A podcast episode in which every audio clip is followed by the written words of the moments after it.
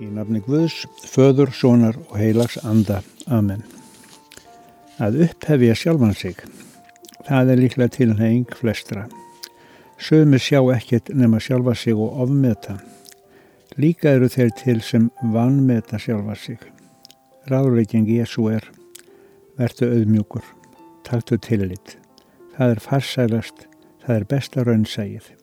Heyrum orð Jésu úr 14. kapitula Lukasakviðspjáls.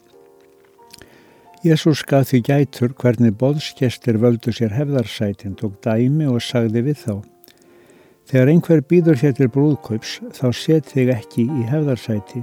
Svo getur farið að manni þér fremri að virðingu sé bóðið og sá komi er ykkur bauð og segi við þig þoka fyrir manni þessum þá verður þú með kynróða að taka ysta sæti. Far þú heldur er þér er bóðið og set þig í ysta sæti svo að sá sem bauð þér segi við þig þegar hann kemur, vinur, flytt þig hæra upp. Mun þér þá virðing veitast frammi fyrir öllum sem sitja til borðs með þér. Því að hver sem upp hefur sjálfan sig mun auðmygtur verða en sá sem lítillækkar sjálfan sig mun upphafin verða. Byggjum nú í Jésu nafni. Miskunnsami frelsari. Þú stegst úr dýrð himins og nýðurlægði sjálfan þig okkar vegna og gegst til sigurs með upprissunni frá döðum. Kenn þú okkur að ganga brautina með þér og láta þá breytni verða til blessunar okkur og þeim sem við eigum göngum með á lífsbrautinni. Hjálpa okkur til þess að eiga farsæl samskipti við allt okkar fólk. Gefðu okkur í því jákvæðun hug.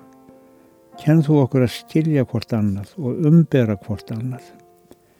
Við byggjum þig að veita þannig uppbörfun og stuðning. Stið öll þau sem mæta sjúkdómum. Lena þjáningar þeirra og gef þeim lækningu meina. Þú vinur okkar og bróðir. Leifðu okkur að finna það hverja stund að þú ert hjá okkur. En bænirnur okkar saminni við í bæninu sem þú kendir og segjum, Fadir vor, þú sem ert á himnum, helgist þitt nafn, tilkomið þitt ríki, verði þinn vilji svo og jörðu sem á himni. Gef oss í dag vort daglegt brauð. Fyrirgef oss voru skuldir, svo sem ég og fyrirgefum vorum skuldunautum. Egi leið þú oss í freysni. Heldur frelsa oss frá yllu því að þetta er ríkið mátturinn og dýrðin að eilífu. Amen.